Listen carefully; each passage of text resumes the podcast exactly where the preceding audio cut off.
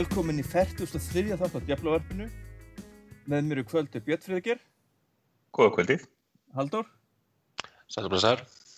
og svo vil ég kynna annan af nýju riðstamöðlum Rauðdjaflarna, Kristófer. Velkomin. Og kvöldið og takk fyrir að hafa mig. Ekki málið. Síðan við tókum upp síðast hefur United leikið hvað, fjóra, fimm leiki og það var meðal leik 2-0 sigur gegn Leicester. Og svo kom hérna þessi frægi leikur gegn Stoke. Og svo byrjuði í meistaradeildinni mættum Wayne Rooney og svo var hófst titilvörnin í deildabíkarnum en svo við byrjum kannski bara svolítið, svona, á byrjuninu og förum í enn Leicester-leik. Haldur, þú varst hafðir skýslu leiklana í þeim leik Já, og hvern, hvernig leit svo leikur út á, á okkar manna hálfu?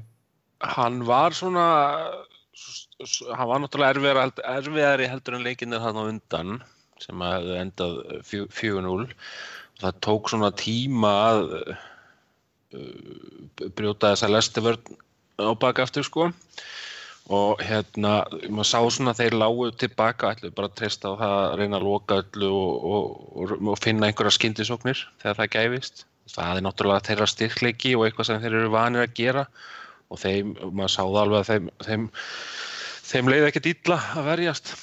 En, en, en svo var þetta bara seglan hjá United að, að hérna að finna þessi tvö mörg í lokin þótt að og svo náttúrulega hefði, hefði getið orðið fleiri Lukaku klúraði þarna vítaspilnu en, en hérna þetta var, ég svona, eins og segja það er- er- eru nokkri leikir og heilt landsleikja hlið síðan, þannig að maður, maður svona kannski ekki álega með smáatrinn á hreinu en, en, en þetta var alltaf mjög sterkur sigur á en- endanum. Þó, og hérna, og svona uh, sko veist, í hinum leik, leikjunum sérstaklega þessum 4-0 leikjum eins og þarna undan og jafnvel einhverjum leikjunum sem við eigum eftir að taka fyrir sem komum síðan að þá voru kannski komin mörg fyrir í leikjunum sem að svona kannski opnuðu þetta aðeins meira og, og, og, gerðu það að verkum að, að hérna hinliðin þurftu þá að fara fara hérna á einhverjum tímapunktu þurftu þau að fara að sækja þannig að það var, það var ákveðin karakter að, að, að, að ná að klára þetta í lokin þegar liðið var,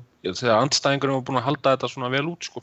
þannig að það bara, þetta var bara já, þetta var bara fín og góður sigur þótt að sko, spilamennskan hefði í sjálfur sér öruglega geta verið betri og allt það en þetta var bara flottu sigur Það lítur að hafa glatt þig sérstaklega að Marwan Fellaini skuli hafa innsiklað þennan 2-0 sigur. Já, það, það gleður mig alltaf. Hann er að gleðja mig mikið þessa dagana, skal ég segja þér. Hann, hann fella inn í minn. Og þetta var nú, þetta var líka, ég meina, þetta var bara enn eitt, enn eitt skipti það sem að, uh, sko, varamenn koma inn á og bara gjörsanlega, bara hafa líkil áhrif á leikinn. Þetta var náttúrulega hérna Lingard og, og fella inn í komið báður inn á. Þetta var bara, þú veist, þetta er eiginlega saga tímabilsins. Það er bara hversu góðir, hversu góðar innkomur eru búin að vera hjá varmannunum. Myndur þú segja að það væri kannski einna mununum á þessu tímbil og tímbil undan að, skiptingarna hjá Mourinho verðast að hérna, hafa, jákvæð áhrif? Já, og ég sko, maður man sérstaklega eftir í til dæmis hjá Van Gaal, þá fannst manni skiptingarnar eiginlega aldrei, veist, þetta, það, já, það, það er svona kannski ekstra mikill munur á því, jújú, jú, það er alveg munur frá því fyrra, en, en frá því sko fyrir tveimur, þreimur, fjórum ára síðan er alveg gigantísku munur. Og það eiginlega, manni finnst það svolítið segja til um bæði hvað, hvað hópurinn er orðin meðvitaður um það hvað, hvað Mourinho vill svo taktíslega séð að þeir, þeir sem koma af bekknum virðast vera með að algjörlega jafn mikið á hreinu og leikmyndin sem byrja leikin hvernig upplegið á að vera og hvernig það, hvernig það breytist með innkomi var, varamanna og það er bara frábært að sjá það þeir verðast bæði svona tilbúinir í þetta bara með hausinni lagi og líka tilbúinir í sko bara að, að fylgja fyrirmælum Mourinho. Þannig að þetta er bara mjög skemmtilegt að sjá það finnst mér. Eru eftir þennuleik þá heldum við heims og til Stók og Kristoffer, þú tókst þína fyrstu leikskíslu á þessum leik og, og það sem að Maxim Tjúpumóting sló öllum að óverum í gegn. þarna svo er svona, færi svona bara lauslega yfir leikin þarna, þetta var náttúrulega illa spilaða leikur okkur halvu þannig sem Nei, það fjall náttúrulega í mínar hendur að, fjallum leðilegsta leikina þeim sem við ætlum að tala um í kvöld. En hérna Maxim Tjúbumóting hann ég ætla hann að ekki skorað svona tvö af þessum fimm mörgum eða svo sem hann gerir í er svona, er þetta ekki dæmi gert þegar menn spila á móti Manchester United að þá liftaði sér aðeins upp á næsta stall? En hérna Mourinho náttúrulega breytt um kerfi fyrir hennar leik. Fór í svona nokkurn meginn flata þryggja manna miðju. Reyndar miðja sem við stuðnismenn vorum held ég búin að vera að heimta. Sjá Herrera, Pogba og Matic spila saman en, en það fór í smá lás en auðvitað munum við náttúrulega fyrst og fremst eftir þessum leik bara út af slæmum einstaklingsvarnamistökum það var náttúrulega það sem að drapa okkur Er, er það ekki að segja það? Þarna, þessi taktík svo sem var ekkert að virka, hérna, klikka neitt, menna, þetta náttúrulega voru tvö mjög slæm moment þarna í varnareiknum sem að búið til þess bæði sem mörg. Þannig að það kannski ekki svona ekkert, kannski kerfið að aðtöða. Já, nei, já, maður náttúrulega hugsa það. Ef, að, ef að við hefðum ekki gert tvö afdrifarík mistök, þá væntalega hefðum við unni leikin. Því að leikurinn var, þetta var svona ekta Mourinho á, á útivelli og mér finnst þetta eins og Haldur var að koma hérna inn á sko ef við byrjum saman liði frá því fyrra það er eins og menn hafi bara þroskast um fimm ár og menn er einhvern veginn tilbúin til að spila eins og Mourinho villaðir spili ég held að hans í loksins farin að slípa saman lið sem getur fyllt hans leikskipulagi sko. Ég meina Stók náttúrulega er náttúrulega frægi fyrir það að vera hafa lengi verið frægi fyrir að vera erfiðir heima að sækja. Ég meina þeir vinna Arsenal og, og svona þannig að þetta er, kannski, þetta er sjálfsögur ekkert slæm úslit þetta hefði getið verið verða ja, algjörlega, algjörlega. Ég meina að taka stig þarna er ekkert, það er ekkert stórslis það var svona auðvitað kannski smá skrekkur sem kom í okkur af því að þessi leikur náttúrulega kom á sama tíma og, og við byrjuðum að, að missa okkur í fyrra sko. Já, eftir, einmitt, ja, eftir þryggja leikja sigur byrjun einmitt eins og núna. Já, þá unnu við hvað einn af næstu sjö eitthvað svo leiðis þannig að það kannski kom smá skrekkur í mann út af því en svona sérstaklega í ljósi þess hvernig við síðan spiluðum í næstu leikjum að eftir þá held ég að þetta stókstig sé bara allt í lagi. Það er, það er alveg hægt að sko það var maður var aðeins fann að missa sér sko. Ég, all, voru, við vorum öll að passa okkur sko að missa en það var svona aðeins verið að gæla við sko að fara með fullt hús inn í næsta landsleiki hér og það var svona aðeins, maður voru aðeins búin að gleyma því að, eða fólk var aðeins búin að gleyma því að stóka út í velli. Er ekkert grín. Og hérna og eins til dæmis næstilegur Everton, hann hefði alveg gett að verið erfiðari, þannig að þetta var bara ágætt, þetta er þetta er bara það er margi verið leikir sem að hefur verið að missa stíg og, og við höfum svarað þeir hafa svarað sko þeim spurningum sem var í þessum leik. Þannig að þetta var í sjálfu sér að mörgu liti bara, bara ágættis, ágættis ná wake up að, að það þýtti ekkert að vera hangandi haus og... mér fannst líka, líka mjög stert bara í þeim leik að koma svona tilbaka eftir að, stók kemst yfir sem að var náttúrulega eina af spurningunum sem að Mourinho var svona búin að tala um að, að liðið þurfti að svara. Hvernig það myndi uh, bregðast við að, lenda, að það myndi lenda undir? Og hérna og það náttúrulega veist, það, það já, það var jákvæð svörun við því þótt að það hafi síðan klúrast þá í rauninni bara á öðrum varnarmistökum að þá var, þá var samt í rauninni svörunin hvað, hvað uh, leikstílin og leik, leikin sjálfan var þar, var bara jákvæð. Og, og en jú, jú, ég er alveg sammála að segja þetta að stega á, á þessum velli er ekkert er, er alls ekkert slæmt og ég þetta, United hefur ekki unnið á þessum velli síðan, síðan Ferguson var ekki deildinni þar segja síðan Ferguson var stýrið liðinu þannig að þetta svo sem er ekki, ekki völlu sem hefur verið að gefa mikið á stígum síðust ára minna á það að þetta náttúrulega var fyrsti leikun eftir landsleikarli þú veist það við held að 11 af þeim 14 United mönnum sem spiluðuna leik voru í krefjandi verkefnum þar. Það er alltaf verfitt að koma í fyrsta deildaleg eftir, eftir svona pásu. Já, mér fannst einmitt sko, hérna, bæli sérstaklega virkaði bara og hann væri ekki alveg bara 100% það og hann væri bara, bara þreyttur eftir, eftir landsleikli ég svona, svona einbyttingin var ekki alveg á fulla því að, að því hann og Jones voru sko fyrir þennan leik búin að vera virkilega góðir saman sko. Já, það var náttúrulega, vitið, kom hann eitthvað setna en hinn er tilbaka eða er það aðalega Suður Ameríkumennir sem koma setna? Ég, var, hann, hann allan að ferðaðist hans í langt og svona, einmitt. Ég held að hann hafi bara komið, hvað, kom bara hvað dægin fyrir leik eða eitthvað, það getur verið þessi vittlistöfnir, ég held að það hafi verið eitthvað svona... Já, það hefði alveg svona, ég sé segja, það svona eftir eftir á, maður getur verið eftir á vitur og, og, og sagt að það hefði verið sniðut að kannski kvílan í, í þessum leikan, en... Já, Jones var náttúrulega að spila með Englandi þegar ekki báða leiki. Ég, ég, spilaði báðaleikina? Ég, hérna, ég bara... Ég manna það ekki. Nei, var, var, nei. nei þetta, þetta var... En hann var í verkefninu með þeim og svona, hana, já. já. En þeir voru búin að standa sér svo vel og það voru allir að tala svo vel þannig að það var engin... Það var ef þetta voru mistök, þá voru þetta mjög skiljanlega mistök. Já, líka sérstaklega með það eins og til dæmis fyrramarkið þá eru þá er þetta í rauninni mistök hjá þeim báðum. Þeir, þeir slökka, það, það er einbindingaskortur hjá báðum miðverðanum ef að annar þeirra hefði verið 100% þá hef, hefði hann kannski í rauninni lokað á þetta eða, eða síst rettað hinnum. Það er svo náttúrulega á Jones eiginlega alveg uh, setnamarki sem var synd í kjölfarið á þessari geggjuðu markvæslu í ATG og eiginlega bara það ætti að vera bara 100 arbið fyrir að það gera ATG þetta sko. Já, þetta er náttúrulega algjörlega... Þetta er náttúrulega viðbjóðslegt, þetta er bara þetta flottasta á... varsla sem maður hefur séð í ára og tugu eða eitthvað svo leiðis. Þetta áttu svo skilið að vera matchvinning varsla að og svo fá þetta í andlindi bara uh, virkilega sveikandi. Það er líka þegar hann átti þessa markvæslu þá hugsaði ég strax þegar hann átti sko öruglega næst bestu markvæslu sín á ferlinu móti Eden Hazard, unni til því Old Trafford.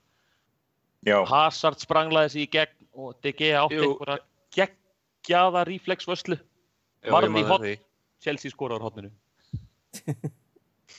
það gerir allt maður það bara rifja, þú veist, þegar einhver segir sko besta vestlan, eða heimsklassa vestla hjá DG, þá, þá, þá er svolítið, það er svolítið, sko, bankin yfir allar heimsklassa vestlunar er svolítið er stór, sko, maður það tekur smá tíma að fletti gegnum allt, sko. Það var reyndar hérna, ég man það því að við tókum það svolítið í hérna uppgjörunum fyrir árið, fyrir veturinn það árið, þá tókum við bestu vestlunar og það var þannig að þegar maður að verja mútið reall með fótun tvísvar eða þrísvar Já, var það ekki útileikurinn? Jó, báðum leikjum reyndar held ég. Já, reynd, já, já. sko, skuggalegar handbólta Hann varði með sko með tá nöklunum Já, það er alveg íkonísk varsla sko.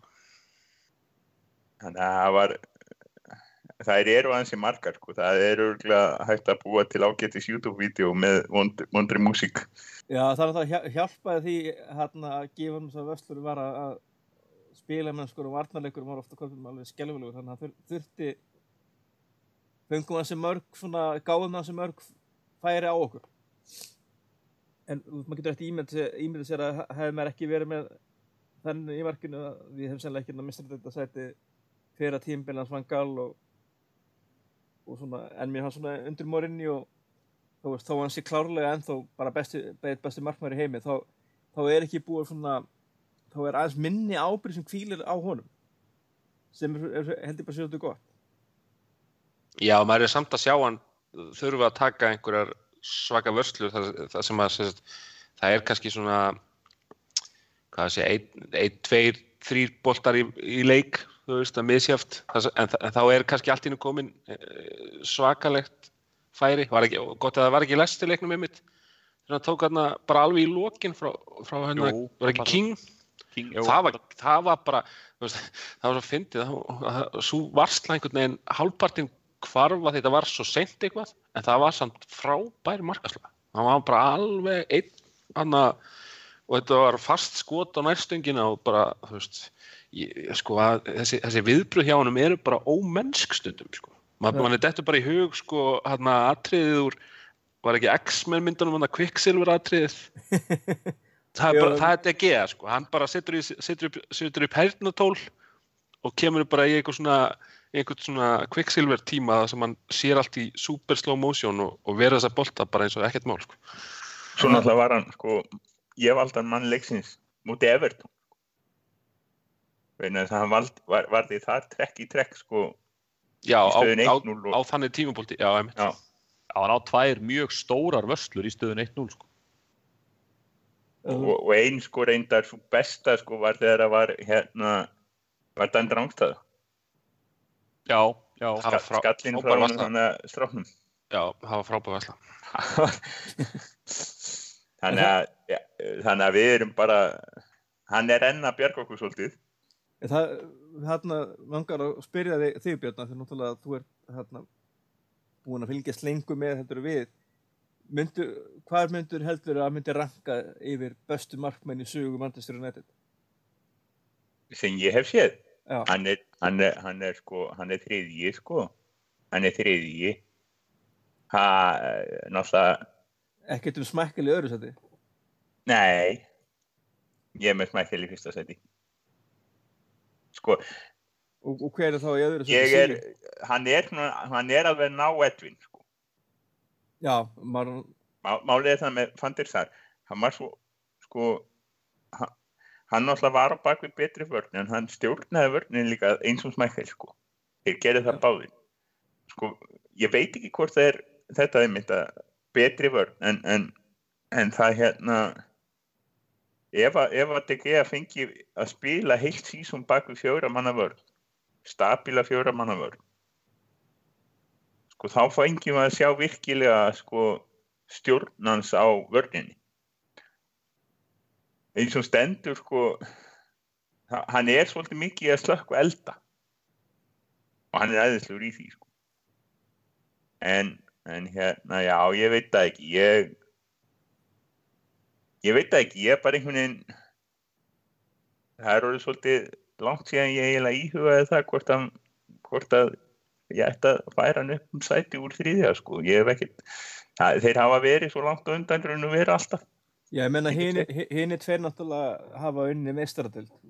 já, það, það er náttúrulega Sko, Smæ, Það Smækkel, náttúrulega náttúrulega vann, sko, Smækkel og Kantona unnu bara deildina, tveir í rauninni, með krakka í kringust.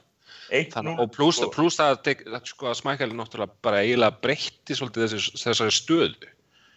Þannig að hann, hann verður, í, að, það þarf rosalega mikið að gerast til þess að hann eigi séns í að taka hann, taka fyrsta sæti af í Já, já, ég segi það. hvað menn voru að gera Ég, ég held að hann, hann, hann var sko bara óumdeildur besti markmaður heims þegar hann var hjá United sko, allan á einhverjum tímapunkti.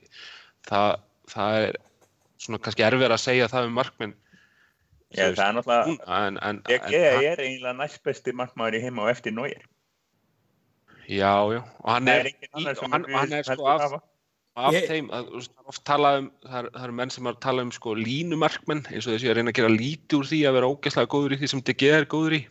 Og hérna, nef- nefnum ekki mörg nöfn í því sem hverju reyna að gera lítið úr húnum en, en þú veist, í, af þeirri típa af markmanni þá er DG bara langbestur veist, að hann er ekki kannski í því að vera hann er ekki þessi svíperkýper en, en þú veist, á móti kemur að þú þarft að vera djúvillig góður til þess að, að ná bolta fram hjá hann og það er líka bara, ég meina, það er ekki bara það að hann sé með þessa, þessi viðbröð og, og verji vel, heldur líka ef þú sóknarmöður, ert komin á mótunum þú veist, þú veist alveg hvað hann er góður það eru örgulega einhverju boltar sem að leika fram hjá bara því að menn eru hrætti við hann sko.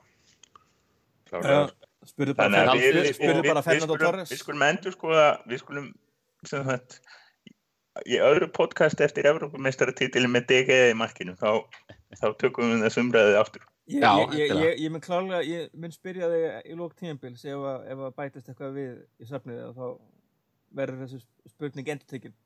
en, en eitt hérna, eitt sem ég langa að því ég tók eftir í, eftir í núna uh, smá tölfræði og það var sérst De Gea að hérna bæði Mois og, og Van Gaal eiga það sam, samílegt að, að De Gea var sáleikmaður sem komið sögu í flestum leikjum þessara stjóra. Hann er ekki á toppnum uh, hjá Mourinho. Mourinho hefur verið duglegur að nota uh, Romero og svona. Þannig að De Gea er ekki, ekki eftirsætið þar. En vitið þið, hver er sá leikmaður sem hefur komið sögu í flestum leikjum hjá Mourinho í þessum Ekki. 70, 72 leikjum? Rashford, ekki? Jú, það er að svart, já. topp 5 listin er að Rashford, Pogba, Herrera, Fellaini, minn maður, og svo, svo tekið ég. Já, ég ætla ekki sko Pogba en svo myndi ég hérna, hann var, hans misti nokkra leiki úr hérna sísta tímbili. Já, Það mu- það munaði náttúrulega um það að Romero tók allan deildabikari. og svona, svona Mourinho náttúrulega sem að þólir ekki unga leikmann. já, en af nei. öllum þessu leikmunum svo nefndir er, er ekki Paul Pogba svo eini sem að sko hann spilar alltaf nema sem eittur Uh, Jú, gott, gott ef ekki. bara algjörlega, ef að hann er heill og klár þá er hann í liðinu. Já, enda líka er hann, Sem er aldrei Hann er skrítið líka bara vegna þess að bestur, Pogba er býtu, æjá, hann er bara besti maður okkur. já, já, algjörlega, það er ekki á milli málar En mér, ég hérna, en hérna, núna erum við búin að fara hérna í hérna no, nokkra hérna deil, deildareiki. Svo kom hérna í kjölfæri fyrsti leikur okkar í meistaradeildinni síðan setna tímbili hjá Van Gaal og við tókum á móti Basel. Þetta lið sem við nú hef, hefur nú stundum stríkt okkur í keppnum. En þetta var afskaplega þægilegu leikur. Ég veit að hérna, hann, Tryggvi félag okkar hérna, er fjari góðu gamni. Hann var um þetta leikskíslu en við, svona, fyrir utan Björn, þá sáum við hinn en að leika held ég. Þetta var nú bara með þægilegri svona Európa-leikur sem maður séð bara svolítið tíma. Myndir þú segja, Kristófer? já, ekki spurning, það er náttúrulega bara það situr hún ennþá í manni að Paul Pogba hafi þurft að haldra hann út af Já, sér eftir náttúrulega gott að koma inn á það. Það náttúrulega var eitt stærsta mómentið, svona slæma mómentið á þessum tímabili, við verðum að missa hann og við vitum ekki í rauninni hversu lengi. Nei. Sumir segja 12 vikur, það er nú kannski kæft að Já, hann sagði hérna Mourinho og hann spurður núna um daginn hvort að hann veit hérna hvernig Pogba kemur kem aftur hann hafði ekki hugmyndin hans hann veit ekki hvað sé 12 dagar eða 12 vikur þannig að að hann ætla ekki að gefa neitt upp með það og ég vil bara veit það ekki. Það var eitthvað Pogba dansa hana helviti í ferskum. Voruð þið eitthvað búin að sjá það? Já, ég sá það, hann virtist nú ekkert eitthvað þjakaður, sko. En þetta var Nei. svo sem ekkert engin, þetta var engin, þetta var engin brjálu dansk spór, sko, en, en ef, svona, ég veit ekki, ef einhver væri frá í 12 vikur allan, væri hann þá ekki kannski, veist, hann virk, virkaði ekki einu svona haldrandi, sko, þannig að ég, maður veit þetta Ég ekki. spurning hvort að svona dansæfingar séu eins vinsalar og þessar myndu aukæfingar sem að sem eitthvað slúður var um að Pogba hefði verið að Ég var ekki Duncan Castle sem kom með það. hann á nú að vita svona það er Já, most important signing síðustu tökja ára Duncan Castles þá getur maður hægt að láta hann fara í taugarnar á sér og, og horta á hann fara í taugarnar á öllum öðrum með vitleysisskapnum í sér já, ég, en hann á að vera er með þokkalega tröstar heimildir ég er algjörlega búin að taka Duncan Castle í, sátt. Ég hef bara, ég bara nýtist að sjá hann svona bögga stuðnismenn anharliða sem við þurfum ekkert að nefna á nafn. En þarna en klá, klárlega eitt skemmtilegst að sæna ekki bara upp, um upp á því bara þegar að fyrir að rífast við þarna þarna stuðnismenn anharliða það er bara oft kostulegt að fylgjast með því en svo við vindum okkur svona að leiknum sjálfum haldur lestastjóri á fella inn í hraðlestari jú, jú.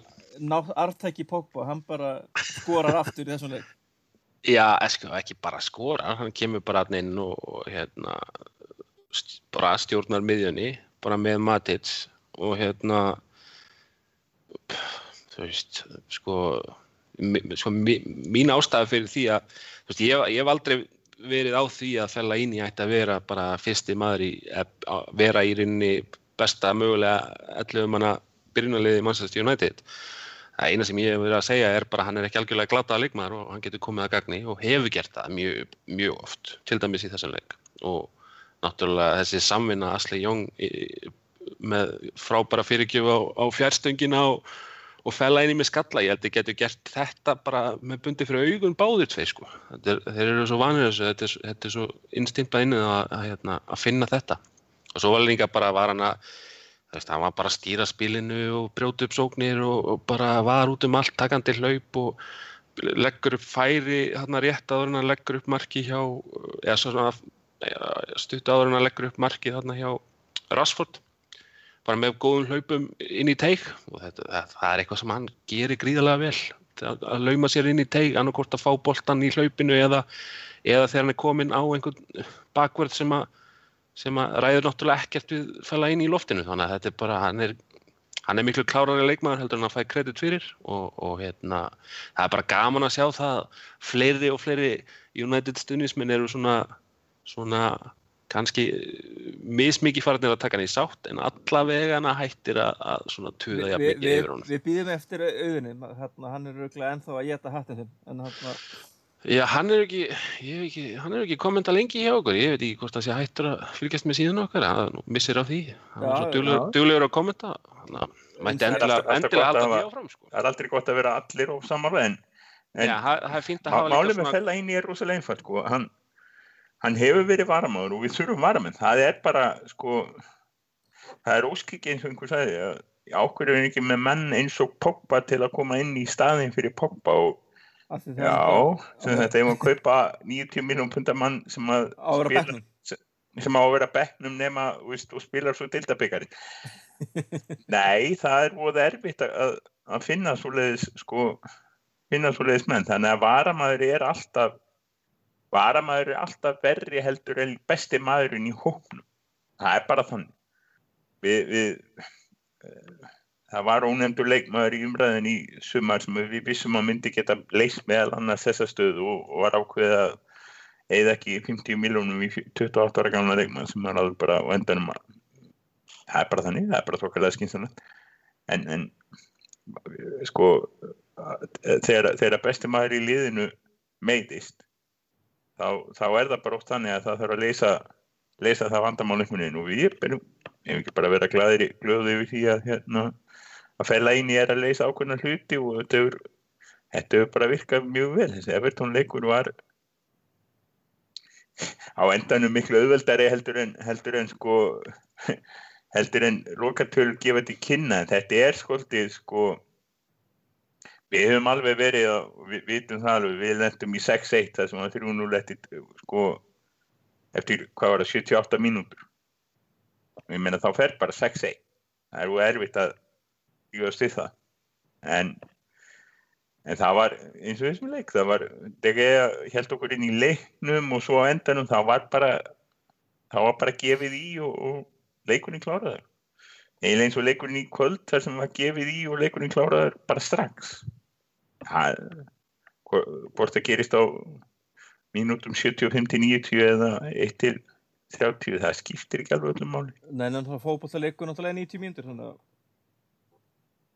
og þarna það er náttúrulega þessi, ef, svo við hérna skipum hérna aðeins tilbaka bara, bara svo við klárum af hérna Basel Hvað fannst ykkur um hérna umæli Mourinho þar sem að fóra að tala um Playstation fótboltan?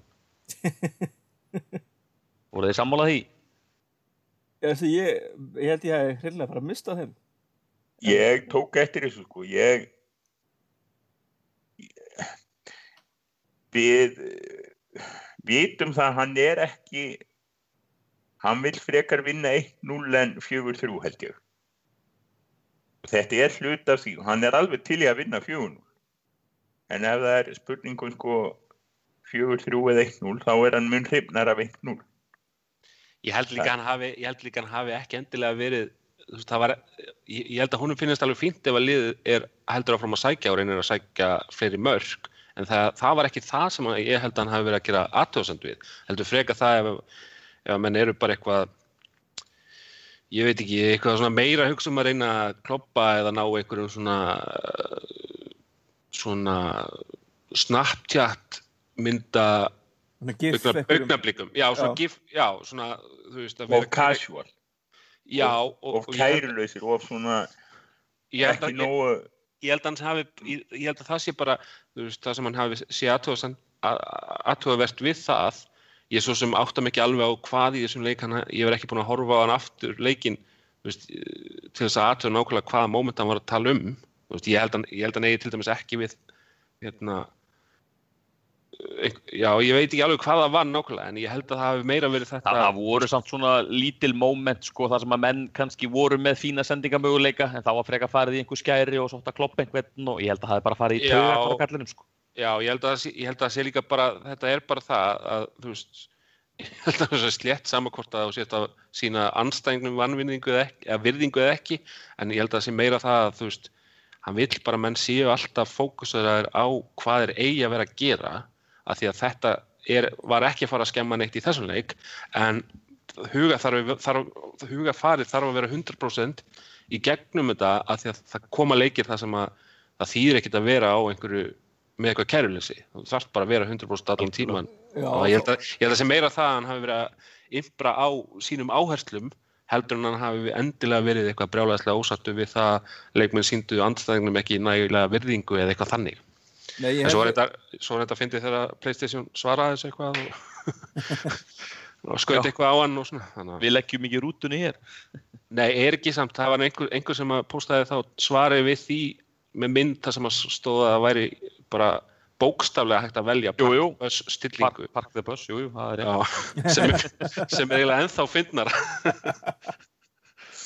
Býtu, Þetta, hérna Playstation, hérna, hva, hvað, er, hvað, hvað er það? Nei, annars. Hvað er þetta? Ég veit ekki hvað Playstation var. uh, Sá, sá hann í búð fyrir 20 árum? Er það ekki ennþá þannig eða? Jú, jú, það, hún, það er, er tölur en þau búið. En hérna, en svo við förum við restina kannski markaskurum hérna, og kannski nafn sem að við erum kannski búin að tala mikið um, en stærsta, stærstu kaupin okkur í, í sumaglökurum, Romelu Lukaku, hann bara hættir ekki að skora, hann bara skorar, það undartekningi að hann skorar ekki leik. Og, og það náttúrulega voru mikla rumræður um það og hérna, hérna Scotti Redd á Republic of Mancunia blogginu skrifaði um að þess hérna, pistil hérna, um svona hvernig menn tala þegar þeir eru að fjalla um svarta leikmenn. Og þegar lögð er áhersla á svona líkamlega yfirburði og svoleiðist en, en lítið talað um kannski svona greind og svona eitthvað og svona fleira sem mynd útsjóna sem eitthvað sem myndi nota um, þú ert að tala um kannski svona hvítalegna og hérna en það er við held, ég held að höfum greinlega talað um það hérna, kom inn á áður að, að hann er einmitt hefur verið talað um það að hann sé frekar greintur leikmaður og hann svona horfir á stúderar móteri fyrir hvert leik og svona menn hann klála að skila árangri stókar. Já, ekki spurning. Það sem að sko, hann, hann er náttúrulega búinn að skora, er ekki búinn að skora fimm mörg? Sex mörg, fimm mörg. Annarkvort. er hann ekki ko- komið Fimm fimm í deild Fimm í í- já, og svo á móti Sjö allt í allt held ég Real og, og og Basel. Já. En sko, það sem að mér finnst magna við hann, menn tala alltaf um uh, snertingin sé ekki nógu góð og svona stuttarspilið, en mér finnst það bara hvað hann gerir þegar hann er ekki með boltan, hvernig hann reyfir sig. Það er alltaf svo auðvelt að bera það saman við hvernig Zlatan var í fyrra, sem er alltaf auðvitað orðin ákveði gamall og allt það, en það eru reyfingarnar í Lukaku, hlaupin inn í svæðin, hvernig hann tegir á vörnum. Hann er ótrúlega klókur er Þetta er einmitt, þetta, er það sem gerir sko þegar, að- þegar þeir horfa á leiki. Sko, stund, stundum er- sérðu sko að menn eru með þetta rosalega mikið á bara eh, nat, na, reyna svona náttúrulega að finna svæði.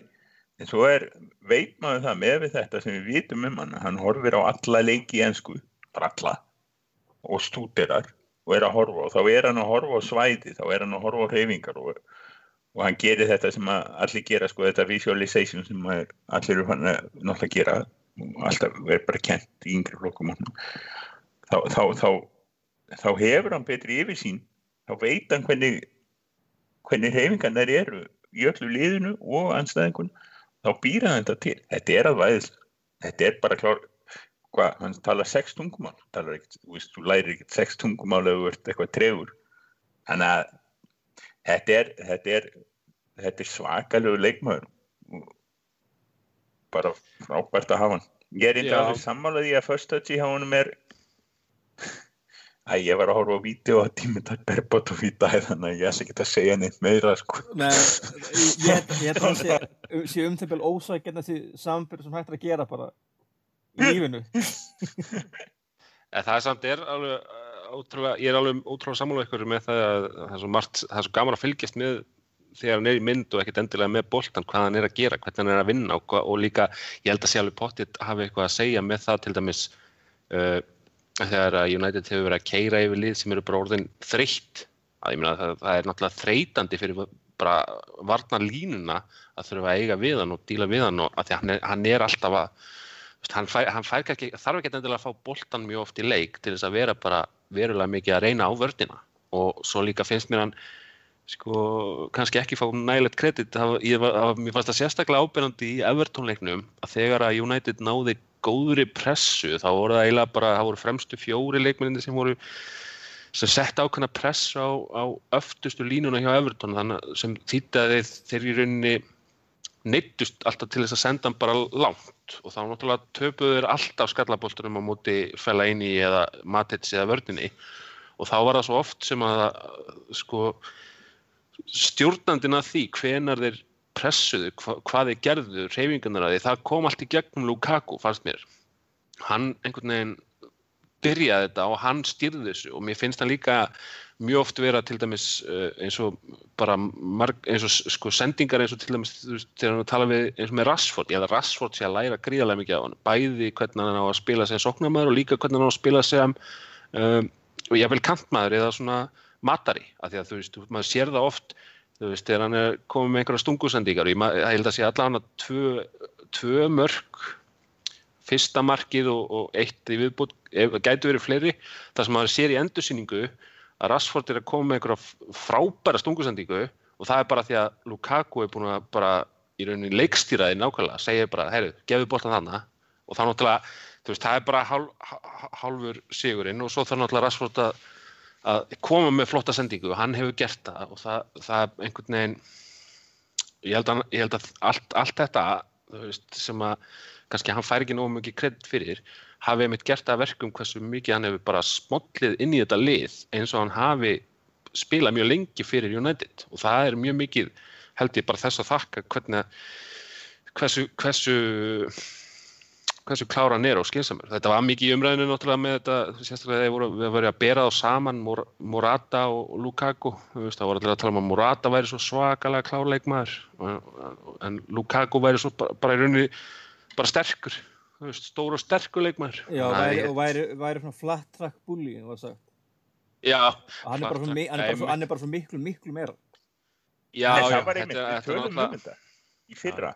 Við tölum um þetta í hitti fyrir líka. Við þyrftum flatt rakkbúli. Það var að tala um Zlatan þannig og hann var að hluta til þannig. Og ef að Lukaku er þannig núna, þá er hann það sem er að breyta sko öllum þessum 1-1 jafntöflum. Við erum núna sko, það eru, það, það eru hvað, það eru tveir leikir sko sem fóru 1-1 í fyrra sem eru búin að fara 4-0 í ár. Já, Já, ég er alveg til í smá flat track bullying á, á þessi lið sem að voru að stríða okkur með þessum djölsins bara- 1-1 í fyrra.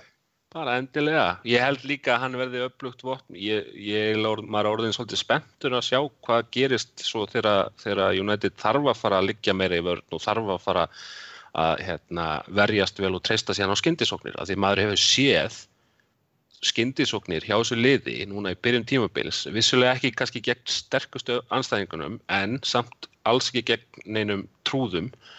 Þá hefur maður séð skyndisóknir sem að hafa bara verið á bara fengið mann til þess að rifja upp bara öflugustu skyndisóknarlið United í gegnum tíðina. Þetta hafa bara verið gjörsamlega f- stórkostlegar skyndisóknir. Með annars vegar eða með sko uh, típurnar eins og Mata og, og Mkhitaryan sem eru að þræða sig í gegnum með stuttuspili eða bara gaura eins og Rashford og Martial sem að bara hlaupa með boltan og það er bara veist, að vera sko að vera áttustu mínútu bakverður þreyttur eftir leikinn og sjá svo bara ó fokk, hann er að koma í skyndisókn það er bara, þú veist, það eitt og sér hlýtur bara að klára sko 70% af því sem var eftir á batteriðstangnum sko Það verið mitt virka rosalega vel þetta að spila með annarkort Rashford eða Martial og skipta svo hinnum inn á. Við erum búin að vera að hlaupa sko elda annað þeirra í uh, 6-70 mínútur svo, með hinn óþreyttur inn. og svo, og svo skorar hann og svo skorar yfirlegt annar hverju þeirra Já, Eða báðir. Eða, báðir en hann Já, ég held nefnilega, þú veist, þetta, ég bara, ég held að, þú veist, manni, manni finnst ma- bara gaman að sjá hvað Martial er er að taka þessu í rauninni vel, þú veist, hann er bara, virðist vera bara starraðan í að sanna sig. Og maður sá það bara eins og í kvöld, þá var hann bara, þú veist, hann ætlaði að ná þessu marki, hann var ekkert að fara heim, þú veist, alveg sama, þú veist, það hefði enginn getað náð honum af vellinum fyrir hann var búin, að koma boltanum allan einu í, í marki, sko. Já, klálega, klálega Þannig að þetta verður, ég hugsa að við sjáum núna fyrsta, fyrsta varnarleikin verður, það verður núna á, í næsta viku í Moskvu. Ég hugsa að Mourinho færi mjög varkárinn í þann leik. Ég held að Takk. það sé bara algjörlega skynsalegt. Þetta er náttúrulega, þessi rústinsku lið og úkransku lið geta ofta alveg skelfilega erfið. Spurning hvort hann taki þr- þr- þrjá miðjari, einhvers konar hana, þrýr, fimm, tveir eða eitthvað, ég veit ekki, hann var andlan kom með það inn hann í dag þannig að maður, veit, ekki- maður veit ekki hvernig hann að pæla hvort hann vilji fara að nýta það meira sko. Hann er klárlega búin að vera að tala um það sem möguleika, sko. Þannig að E, það, Já, en maður, maður áttast ekki alveg hvar hann sér fyrir sér að nýta það hvort hann sér fyrir sér að nýta það sem sko svona ultra defensive eða hvort hann sér það fyrir sér sem þá offensive, þú veist, að, að því að þá ertu það er hvort ekki hægt. Það Já, eftir, hvað þú notar með hliðin og Matic. Já, og hvað, hva, hverja úrt með sem vangbak verið, ég meina, þú veist, og hvaða miðverður úrt með, ég meina, þú sér til dæmis eins og þetta var í kvöld, þá ertu með, sko, bara Lindilöf og Blind og Sjó, svo náttúrulega Darmian sem er kannski ekkert eitthvað sóknar sinni að stið maðurinn, en það, þetta er náttúrulega, þú veist, það er hægt að útfæra þetta á, á marg, margan hátt og maður svona, að, að því hann hefur talað um þetta, þá áttar maður sig ekki alveg á því hvort það sé að, að þe- þegar hann vilji, sko, nýta þetta þegar hann er að pakki vörn eða, þegar hann er að reyna að keiri vilið sko. en ég er reynda maður mað náttúrulega grunar það að hann sé að hugsa þetta sem option eða möguleika þegar í rauninni þegar hinliðin er að, eru með þrjá miðurveri að hann vilji spekla þetta til dæmis á móti Chelsea á móti hérna, Tottenham á móti Arsenal og það er, Það er mjög spennandi það að sjá mjög skemmtilegt, sko. Það er, sko, ef, að- ef að þeir verða með hérna Sína, Þeir verða með- maður. Mane og, já, þeir verða með Mane og hann hérna eh. Sala og, Sala. og, og Sala, sko, sem eru rosa fljótir. já, Það að hafa þrjá hafsend á móti því, það væri, sko, það er eitthvað sem ég sé hann alveg gera. Ég efast um að við náum potti fyrir þann leik, þannig að hérna, það er landsleikið hljóðna, kannski við tökum eitt á henn. En, en bara svo ég spái aðeins í þann leik sem að ég, það er leikurinn sem maður horfir á, það er leikurinn sem við býðum eftir, all, all, allavega við sem erum, við, sem munum eftir í þegar Leopold var að verða meistarar á og til. Það er náttúrulega, það er ennþá stórleikur og, og ég segi það alveg, það er bara leikur sem að sem að hérna, maður hlaka til að sjá og það er, ætla ég að spá þrjum með miðvörðum og jável sko og þá bæ Jones og, og jável Smalling sko bara kjöt, kjöt og kjöt og bein og, og læti sko Haldið að. Lindelof sé ekkert á leiðin í liðið það? nei, ekki, ekki á móti Liverpool sko Nei, nei, nei, kannski ekki. nei, nei, nei. og ekki hann var, sko hann var í vandræðum í fyriráleik í dag hann, Já, það það er þrísa það sinnum sem hann gaf misgóð færi sko. það, það var ekki gott að sjá en maður Ég fekk alltaf í magan bara þegar hann var nálat boltanum. já, var ég er fullt að trúa á honum með það við erum ekkert að fara að spila um honum á Anfield það er bara einhvern greið gerðið með því Nei, við eigum, við eigum fullt af öðrum leikjum þar sem hann getur verið að spila sig inn í lið og, og líka, já, vel þó að hann væri að gera það sem við vildum og Mourinho vill að hann sé að gera. Það var eitt sem við tókum eftir. Hann var fann að tala um hann sem miðjumann. Jafnvel. Og Hann, hann var byrjað sem miðumar. Sem, Já, hérna, og það er þá spurning í þryggja manna, þryggja manna vörn með Lindelöf að hann verði maðurinn sem ber boltan upp. Það væri svolítið og það væri eitthvað, eitthvað til að spila sko sem á móti, jável þryggja manna vörn eða fimm manna vörn sem væri á móti slækara liði. Það er að segja eins og Haldur tala um að mattsa sko struktúrin. En þess að ef þú matsa struktúrin þá á betra lið að vinna. Það er svona meginregla ef þú matsa struktúrin á móti liði sem er að spila fimmann af því að þeir, þeir eru að spila varnarleik á móti okkur þá, þá ertu með Lindelöf og, og náttúrulega bæi líka sem að geta og, og reynda sjóns, þeir geta allir borið upp boltan mjög vel. Þannig að hérna í því tilfelli þá þá erum við eftir að sjá Lindelöf og, og Ertu, Þetta er bara- ertu, ertu meina gegn þú öllum lakarliðið með bara Liverpool? Nei, öllum lagari liðum sem spila þryggjamanna eða fimmanna vörn. Já, ég náður mér langar Já, bara, já. mér- ég bara varð að koma inn Ég, einu, ég, ég, ég, ég, hérna, Ég er bara að stríða, ég, da- daginn sem við, daginn sem að Manchester United spilar gegn Liverpool þegar United eru Evrópumessar og Liverpool menn eru komin í utandildina, þá var líka íhuga að vannmeta Liverpool. Íhuga. Ég veist sem ég geri það, en ég myndi íhuga það. já, svona, er myndi ég líklega ekki gera það. er En, þannig að, þannig að við, við gerum það ekkert og, og þetta er leikur á Anfield og allt það en, en sem sagt já, ef að í því tilfelli þá sé ég Lindelöf annars er hann að spila miklu betur í litlu leikjunum til að komast inn í eitthvað stærra já, en talandi um Liverpool, það er náttúrulega svona, svona hoppum aðeins tilbaka og fyrir bara við erum að tala, þetta er mikið um það leik svona, svona aðeins, hérna áðan, en það var þessi fjögur nú leikur um þetta Everton sem að Antonio Valencia skoraði bara klikkamark. ég meina, var, þetta er svona marg sem að sko, varnamenn dreymir um á nóttunni svona 20 ár áður en þeir skorða Já, bara og fleirum, þetta þetta klikkamark og, og ég, ég en þetta var alfarið þetta var alfarið Everton að þakka. Við vorum svona, hvað var þetta, þetta var 15 mínúta eða eitthvað svo leiðis þetta var, þetta og, og það voru allir leikmenn Everton voru, sko, það voru reyndar þrýr út á kanti þannig að, að vesinast í leikmennum United sem voru með boltan út á kanti. En restið var inn í teik og það voru allir sko minnst þrem metrum fyrir aftan vítatekslínuna Þetta og Matis gefið bara hana banana bolta sem skoppaði fyrir innan vítatek áður en hann fór aftur út Þetta, ef þú sérð, sérð sko, endursýningu rétt áður en sendingin kemur þá eru þeir þarna við sko, í aðrinum á vítategnum en svo bara laumar fella inn í sér inn á fjarstöngina og þá fylgja honum allir sem hefðu annars átt sjens á að taka þennan bolta sem Þannig að kom til Valencia.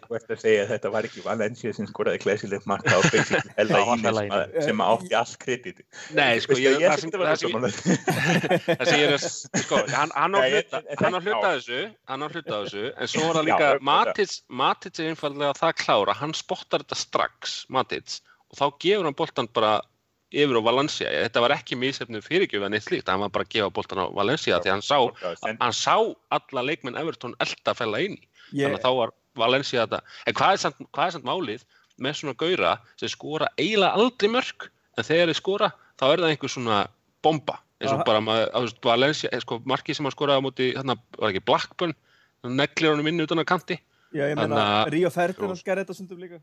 Já, Eh, þremur hann er Carrick. Þetta er tvist ári sem að við vorum að blokka hérna. Michael Carrick, þú veist, Matits, sem Kar- hann Carrick gegn Róma þegar hann skoraði tvö bara já. tvær svona klínur bara. Matits þegar hann skoraði hann á móti, var ekki á móti Tottenham og Embley eða Jú, eitthvað, í FA Cup í fyrra bara. rugglað mark, Það er svona þegar menn Það bara- sér fyrir mörgum. já, Þeir bara, eru að er eins og að ekkert að fara þeir eru ekkert að fara inn á markteik þannig að ef þeir skora þá náttúrulega er það af því að þeir eru já. á eitthvað færi utan teik sem að þegar Darmian skoraði, þú veist, hvaðan kom það? Ég, ég, hérna, ég, ég sagði hérna, þegar hérna á spjallun okkar hérna yfir þessu leik og ég stend fullkomum við þau orð að Matic og Val- Valencia, þetta er þennilega eitt ólíklegasta markaskorur og kombo bara í sögu United. Það hefði verið gaman að sjá hverju stuðullin var á þessu fyrir leik, hérna, Matits assist á Valencia. Ég held að stuðlinn hafi verið lægri á, á, á sist frá Valencia og einhvern annan. Já, mun læri sko ég, ég, af því að Ég held að það hefur verið lægra á DG. ver- verð ég að minnast á það bara því mér þóttu það svo gaman hérna í gamla og ég hef myndist á Berbatov hérna uh, hvað hva var það ekki hérna eh, tímabilið 09-10 sem að um það byrj helmingur allra marka var Valencia Rúni Berbatov kombóið Já, það var hérna, það áður en það meiðist. það var áður en að botninn. þegar hann var að spila á kantinum það voru bara komið svona 5 eða 10 mörg og sérstaklega hann og Rúni það var, eitt, það var alveg svakalegt partnership Já, að sko, það var og ég gaf Rúni setti boltan niður og Berbot og kláraði. þetta var var gegn, nýtt.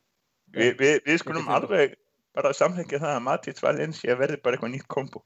Þetta verði bara tekið. svo er eitt sem að vakti á hann aðtegli í þessum leik er að Asli Young var að byrja fyrsta deildarleikin síðan Guðum að vita hvenar en hann, þá voru einhverjum sem voru hissa því að hann væri settur í, í byrjunarliðu en, en svona þeir sem kannski voru kannski ekki að fylgjast mjög vel með fréttur hann í Euróboltanum er að hann spilaði hægri bakkurinn gegn Basel Já, var frábær þar. og var, var í var sem sagt valinn í úrvalslið umferðarinnar í eini leikmar United sem er í úrvalsliðinu þannig að það hefði verið erfitt að að gefa honum ekki í sensin í þessu leik og, en hann er betri hægra meina það ekki þetta, maður sá hérna hann var að reyna fyrirgæfir hérna og, og maður fekk svona smá flashback af hérna svona fyrstu tvö tímbilina hans United þegar hann var að reyna fyrirgæfi vinstri Já, við, Já, við já, hann var bakur. hægri kantmaður, sko. Við eigum- bara einn vinstri bakur, það er Luke Shaw og Mourinho vil ekki nota hann. já, þetta er nú okkur. Það er náttúrulega að koma tilbaka. Já, ok, kannski. En Já. hvernig fannst Þetta ykkur er smá, þetta er smá krísustaða, sko. Við, hérna, við, við, hérna, við erum alveg bara þetta ef ekki bara slútt á sem ég eftirlega ekki menn þetta var 4-0 það var hérna lengi vel leit út fyrir að þetta ætla að vera ætla að vera svona repeat frá síðan tímabili við skorum snemma og sækjum og sækjum og sækjum og leikum fyrir eitt eitt en Svo fór hún í út af vellinum og þá gekk okkur betur, eins og alltaf.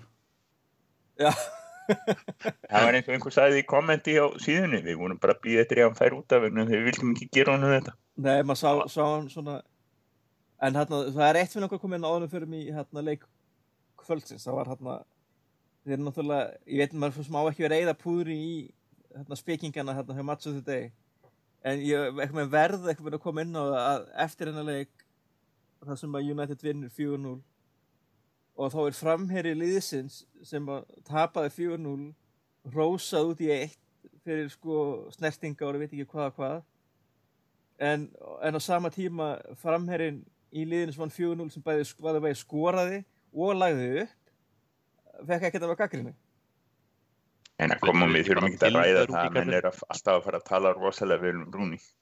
En það er bara eðlilegt þetta. Ég, ég nenni ekki að stressa að sko, við þurfum ekki að hugsa um það mál meira en eitt núna. Þetta var allt í lagi. Hann, það var gott að hann skoraði ekki á mót okkur og, og það var gott að það var gott að vinna hennar leik. Ég, hann á eftir að eiga erfitt tímabili á að fara að spila, spila á tónum. en hérna svo var leiku bara áðan. Við vorum allir hérna bara að fylgjast með einhverjum svona minnst spennandi United leik bara. Ef, ef basileikur var óspennandi, guðmund góður. Getur munurinn á þessum liðum í kvöld? Þetta var þetta er eitt þægilegsta leikur sem ég sé United spila. Og hérna hann Friðrik var á skýsluvakt en hérna hann kannski verið með okkur se- setna en hérna svo ég bara spyrja því Haldur varstu einhvern tíma stressaður yfir þessu leik á einhvern tíma Já, það var helst Lindelöf sem var að reyna að gera spennandi. Ég, það, ég var ekki staðan 0-0 þegar hann gaf fyrsta færið. Minni það, að hann hefði hann hefði verið búin að gefa eitt færið áður en að, United komst yfir.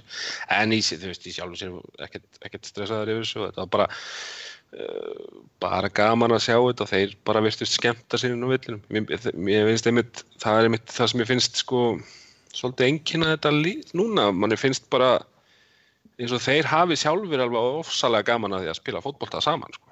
það er bara gaman að sjá jafnvel þótt hvort sem það er leikur sem að er í jörnum framan á og svo rúlaðir yfir liði restina eða leikur sem að er þægilegur eða jafnvel, jafnvel leikur eins og gegn stók sem að sko svona hálfpartin klúðrast eða svona eiginlega þá bara finnst manni samt eins og þeir hafi bara hafi bara rosalega gaman af þessu. Og það, það var frábært að sjá sko þú veist, menn koma þarna inn þú veist, og sjá Karrik hérna sína gamla takta eins og í fyrsta markinu. Frá frábær sending. og hérna uh, sjá Lingard þarna líka og náttúrulega sjó fekk setni áleikin sem var bara gaman að sjá.